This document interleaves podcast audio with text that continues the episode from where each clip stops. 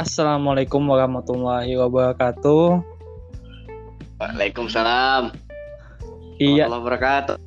eh, selamat datang di podcast eh, mahasiswa UIN Antasari Banjarmasin. Eh, di sini bersama saya Renadi Aswin Setiawan yang akan eh, sedikit berbincang-bincang eh, masalah eh, kampus dan mahasiswa, terutama di kampus UIN Antasari Banjarmasin. Eh, beserta dengan tamu podcast saya yaitu eh, bisa diperkenalkan namanya Oke ya, nama saya Ari Aryadi. Saya dari mahasiswa Winantasari Banjarmasin, Fakultas Syariah, jurusan Hukum Tata Negara. Iya, eh, gimana kabarnya Ali? Alhamdulillah sehat walafiat, keadaan baik dan sekarang berada di tanah bumbu. Sekarang lagi sangat-sangat eh, sulit sekali di tanah bumbu juga, terutama Oh. di desa saya karena corona. Eh, kenapa itu? A- apakah eh, di desa desa sampean itu ada yang karena yang kena kasus positif corona atau gimana? Alhamdulillah untuk di desa saya memang nggak ada sih, tapi ada di beberapa desa dekat kami yang terindikasi positif corona. Jadi sangat apresiasi untuk desa sih, sangat cepat untuk penanganan untuk eh, desanya gitu. Kalau untuk eh, pengantisipasian di desa eh sampean ini de- ma- nama desanya apa ya? Desa Sumbersari. Desa Sumbersari kalau untuk masalah iya. antisipasi dan respon masyarakat di sana mengenai penanganan corona itu gimana itu? Kalau kan alhamdulillah di sini sudah dibentuk sih tim kayak gugus tugas tentang COVID-19 ini yang langsung dipimpin oleh kepala desa. Wah. Alhamdulillah respon masyarakat ya selalu mematuhi apa yang sudah dilaksanakan dan dibentuk oleh tim gugus tugas seperti eh, setiap rumah ada cuci tangan, kemudian keluar menggunakan masker dan selalu di rumah aja gitu. Nah, untuk ya memang kami selalu apa ya? apa yang diarahkan dari pemerintah desa ya selalu diikuti seperti itu. Oh, berarti memang uh, protokol-protokol kesehatan di sana memang terjalankan dengan baik ya?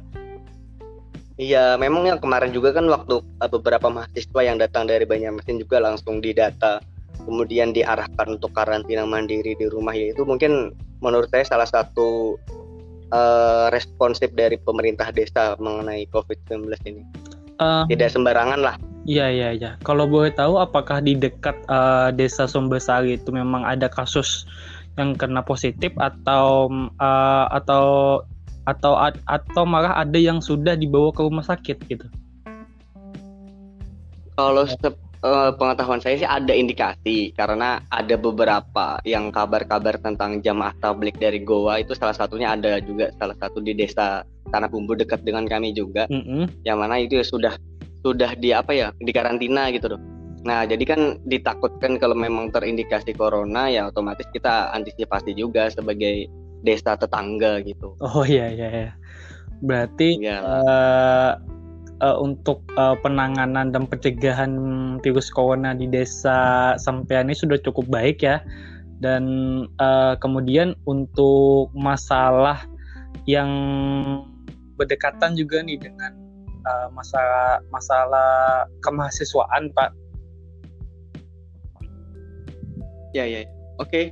Eh, jadi di Banjar ini Pak, di Banjar terutama di Banjarmasin ini eh, belum adanya eh, apa tuh, terutama di kampus kita belum adanya dibentuk gugus tugas eh, para relawan eh, dari mahasiswa yang mengikut sertakan mahasiswa untuk mengana- untuk menangani penyebaran virus corona ini Pak. Sedangkan di apa di peraturan di Jenpendis itu di dinyatakan ataupun di dinyatakan bahwa eh, bahwa harusnya ada harusnya kampus membentuk sebuah gugus tugas di mana itu melibatkan eh, mahasiswa. Nah, gimana nih tanggapan dari uh, sampean selaku aktivis mahasiswa juga kan di UIN Masin gitu.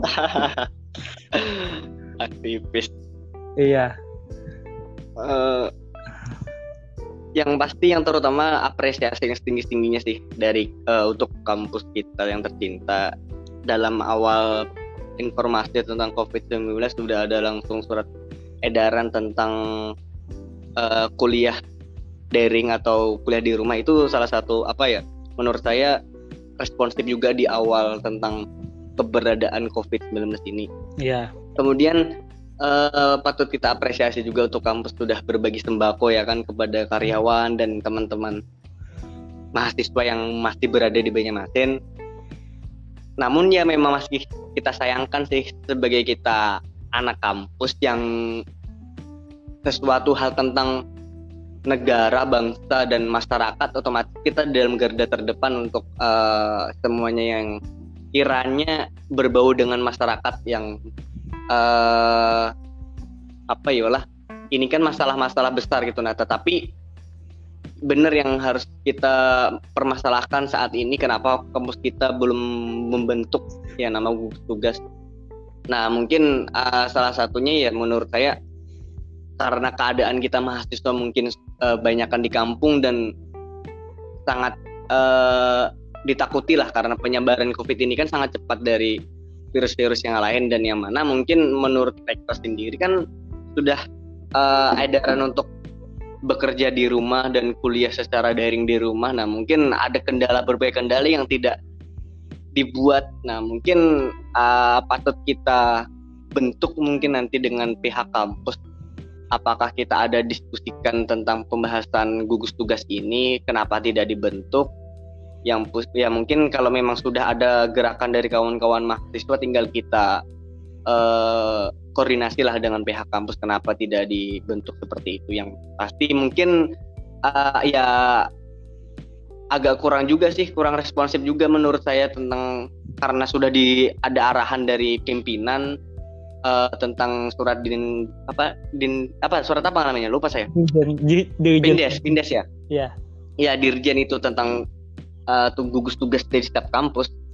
Ya mungkin uh, saya rasa itu uh, entah ada pertimbangan-pertimbangan yang lain tetapi ya saya rasa atas nama mahasiswa ya tidak selayaknya harus kita bentuk gitu. Nah karena kita atas nama mahasiswa yang pasti harus ada di kita bentuk di dalam kampus seperti itu. Iya terutama kan uh, mahasiswa yang berdomisili di Banjarmasin tentunya ya kan? Banjarmasin. Iya iya iya. Uh, kemudian ya, untuk masalah uh, kurang res, uh, keresponsifan dari para apa dari para sivitas akademi kampus ya kan. Jadi uh, ada salah satu teman uh, saya itu mengatakan bahwa uh, budaya di kampus kita tuh budaya kagetan gitu. Jadi uh, budaya kagetan ini di mana ketika ada sebuah pandemik ataupun sebuah permasalahan yang datang secara global, kampus kita tuh menanggapinya tuh secara uh, kaget gitu. Jadi uh, belum adanya persiapan yang khusus dari para uh, dari uh, dari Sivitas Akademi. Padahal kan kalau dilihat dari track recordnya, corona ini merupakan sebuah wabah yang memang uh, lama sebenarnya. Dari corona ini kan kalau dilihat dari datanya itu dari bulan Desember 2019 itu sudah ada di Cina itu korban pertamanya sudah ditemukan virus corona. Kemudian ya, ya. menyebar itu. Kemudian sampai ke Banjarmasin. Nah, ya. apakah uh, dari situ uh, dari sampean selaku mahasiswa melihat kurang keresponsivitas uh, keresponsivitasan dari uh, pemerintah ini berdampak kepada uh, mahasiswa gitu. uh, jika kita lihatlah tentang di awal-awal tentang kabar virus corona atau COVID-19 ini yang memang benar beredar di apa di Wuhan, Cina pada saat Desember memang kita berkaca di pemerintah kita aja gitu responsif tentang wabah itu aja sudah kayak tidak ada penanganan berserius gitu loh. Mm -hmm. Sedangkan sudah kita ketahui bahwasanya beredar di Cina sudah begitu besar kemudian Cina besar-besaran membeli alat pelindung diri dari negara-negara. Nah, sedangkan responsif dari pemerintah baik itu Menteri Kesehatan, saya rasa sangat menyepelekan di awal itu. Oh ya ya ya. Sangat beda dengan negara-negara yang lain dengan beredarnya kabar tentang virus itu langsung ditutup uh, apa pelabuhan kemudian bandara-bandara sudah ditutup sedangkan Indonesia hanya berbagai negara aja yang ditutup gitu loh tidak semuanya harus ditutup harus kita uh, apa namanya antisipasi bagaimana virus itu tidak menyebar luas mm-hmm. nah saya rasa itu berimbas juga dengan uh, stakeholder di bangsa kita gitu nah yang mana dari pemerintah pun kurang tegas dan kurang uh, benar-benar serius dalam penanganan di awal. Sedangkan saat ini sudah benar apa sudah tersebar luas di Indonesia sudah banyak kasus yang uh, terjadi.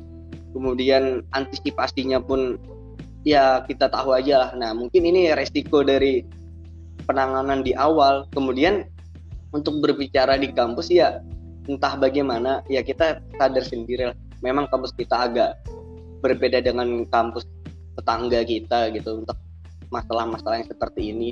Entah dari kampus kita yang memang agak acuh tak acuh atau bagaimana ataupun memang kurang serius dalam penanganan ataupun uh, memang uh, tidak ada tim. Tadi saya saya memang seharusnya harus ada tim gugus tugas itu dibentuk dan memang sudah siap dalam penanganan ini. Nah karena uh, tidak adanya tim gugus tadi jadinya ya seperti inilah responsif tidak tidak serius yang tadi. Iya uh... dan saya rasa memang penting dibuat tim gugus tadi untuk di kampus bersama mahasiswa juga gitu loh karena dari pihak kampus pun ada dan mahasiswa pun merasakan bagaimana pandemik ini terjadi gitu Hmm. Jadi tidak hanya dari satu sisi pihak kampus saja. Hmm, betul. Uh, kembali lagi ya kepada uh, responan dari pihak kampus sendiri kan. Apakah uh, sejauh ini kebijakan yang dikeluarkan uh, dari pihak kampus uh, seperti belajar di belajar di rumah ataupun metode-metode diskusi daring online yang melalui Zoom, uh, WhatsApp itu menurut sampean selaku aktivis mahasiswa itu apakah merupakan sebuah hal yang positif ataupun uh, ada dampak-dampak uh, baik dari segi negatifnya gitu?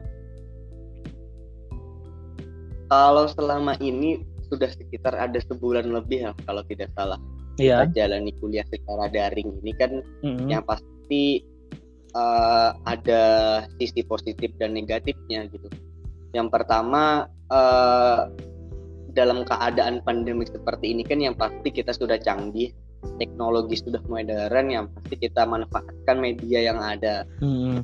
Nah seperti itu. Kemudian uh, pasti banyak sih sisi negatifnya juga yang pasti gitu loh.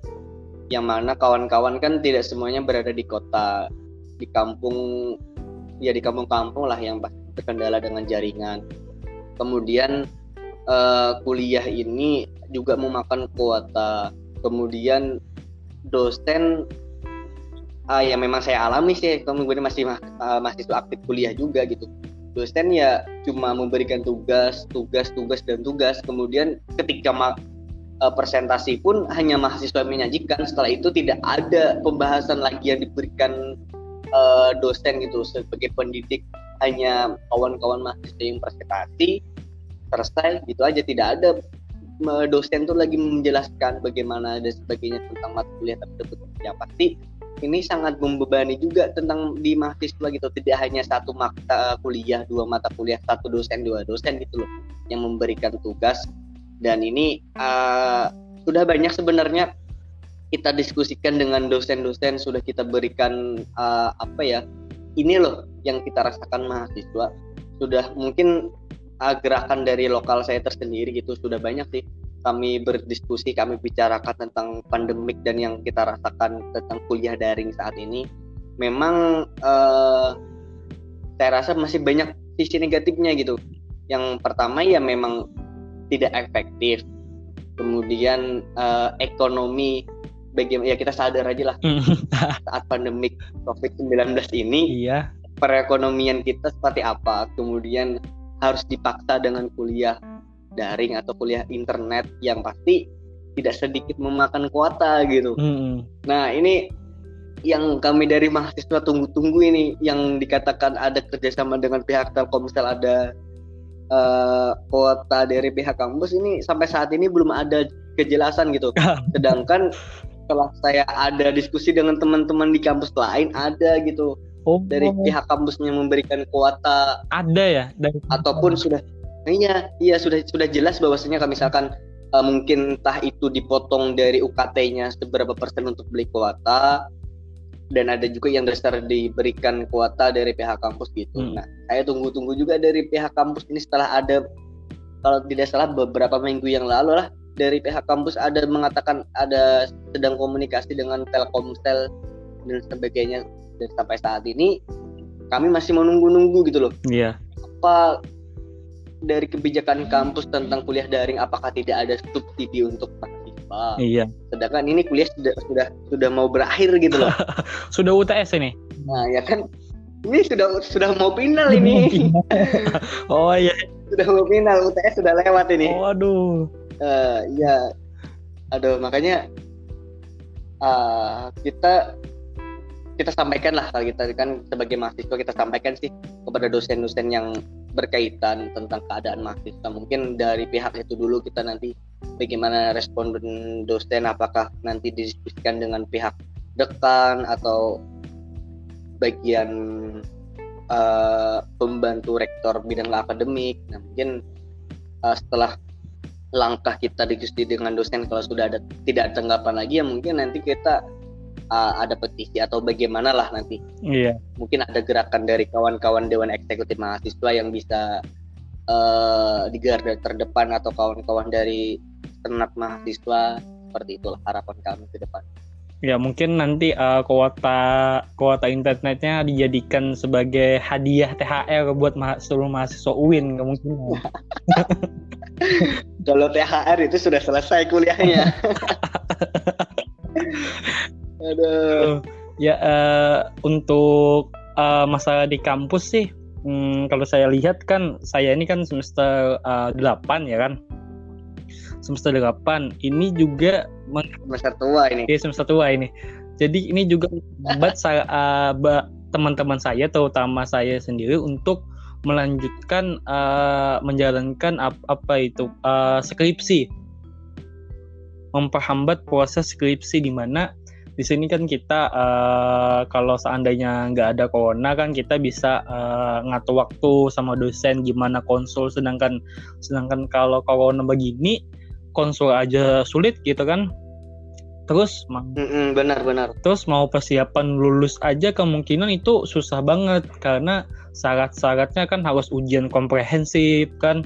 Ujian komprehensif Mm-mm, iya iya. Terus ada dosennya juga kan belum mental dosennya dosen Iya. gaptek gitu kan. Hmm, iya dosen sudah senior lah sudah senior. senior yang nggak ngerti masalah teknologi. Nah itu. Ya jadi kemungkinan ini para mahasiswa-mahasiswa delapan ini mungkin akan melanjutkan semester berikutnya ini kemungkinan. Mungkin disiapkan UKT selanjutnya. Iya kemungkinan belum ada yang bisa wisuda tahun ah, apa bulan Agustus ini gitu. Kalau memang pandemi ini terus berlanjut begitu. Mm, mm. usah saya selaku mahasiswa semester 8 ya kan eh, ya kita harapkan saja selaku mahasiswa aktif kan semoga pandemi ini Iya, iya. terus eh, terus apa terus menurun angka amin. kasus positifnya semakin menurun dan eh, kita semua dapat kita seperti eh, semula gitu. Iya iya. Benar-benar kan eh, jadi gak enak juga kalau gini Ah. kan. Eh, kalau puasaan gini kan biasanya ngabuburit kan sama teman-teman kan. Ini malah podcastan ini. Iya nih Pak. anu ini saya agak sedikit ingin tahu juga kan anda semester 8 Iya. tentang yang pasti harus konsultasi dengan dosen. Kemudian eh, dos responsif dosen tentang mahasiswa akhir untuk konsultasi gimana ya bang? Apakah memang dosen itu selalu standby? Apakah dosen itu mendukung untuk cepat selesai? Sedangkan yang kita ketahui kan di kampus tetangga kita sudah ada wisuda secara Oh, iya. online gitu loh. Eh, untuk masalah itu untuk masalah Nah, konsultasi dulu ya untuk masalah konsultasi yeah. itu uh, dari teman saya aja ada yang ngubungin uh, hari Selasa gini kan. Baru dibalas dosennya di WA itu kemungkinan hari Jumat atau hari Sabtu. Jadi itu ada tiga hari itu kan. Apalagi kan kalau kalau kita bilang kepada dosen yang memang sibuk kayak dosen uh, di PB yang kayak uh, seperti dosen yang ketua jurusan atau uh, uh, apa hmm. wakil dekan gitu kan terutama uh, mahasiswa yang memiliki dosen pembimbing seperti itu. Jadi ada yeah, beberapa yeah. dosen yang memang sulit dihubungi, ada juga beberapa dosen yang memang uh, enak dihubungi gitu kan. Jadi cita rezekinya hmm. dapat dosen pembimbing yang seperti apa gitu.